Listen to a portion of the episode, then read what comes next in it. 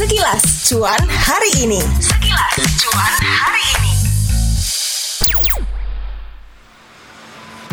Hai, gue Indra yang kali ini nemenin lo di Sekilas Cuan hari ini. Hari ini gue mau ngomongin kalau Indonesia ajak forum APEC buat ningkatin investasi. Nah, berita ini dilansir dari money.kompas.com. Tapi sebelum mendengarkan podcast kali ini, jangan lupa untuk follow dan kasih rating terbaikmu untuk podcast Cuan di Spotify. Terus nyalain notifikasinya supaya lo selalu terinfo kalau ada episode terbaru yang tayang hari Rabu dan Jumat. Anyway, jadi ternyata pemerintah mendorong forum ekonomi kerjasama ekonomi Asia Pasifik atau APEC buat ningkatin peranannya untuk ciptain pertumbuhan ekonomi yang inklusif dan berkelanjutan. Ini disampaikan Menteri Koordinator Bidang Perekonomian Bapak Erlangga Hartarto. Dia bilang kalau kali ini negara anggota APEC berkumpul di tengah kondisi perekonomian global yang lagi sulit. Sulitnya kondisi perekonomian ini ditandai dengan ancaman dari krisis pangan, energi, hingga resesi ekonomi. Nah, menurut Pak Erlangga, ini ada besarnya potensi peranan APEC terrefleksikan dari besarnya populasi negara anggota yang mencapai 2,95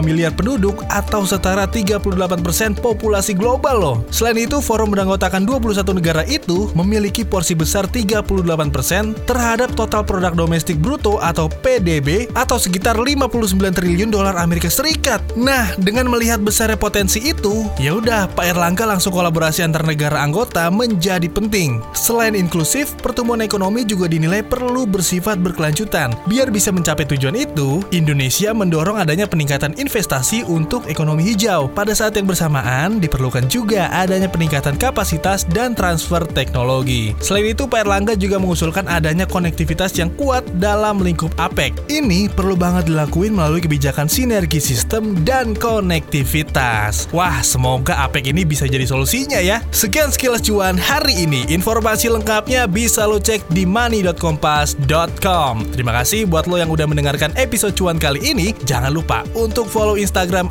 @medio by KG Media dan @motion975fm. Atau kalau punya saran boleh langsung email kita di podcast at kgmedia.id. Dengerin terus podcast cuan di Spotify untuk mendapatkan inspirasi menarik seputar pengelolaan keuangan, investasi, dan aktivitas finansial lainnya. Gue Indra Saputra, pamit undur diri. Stay tune di podcast cuan untuk tips-tips dan update finansial lainnya.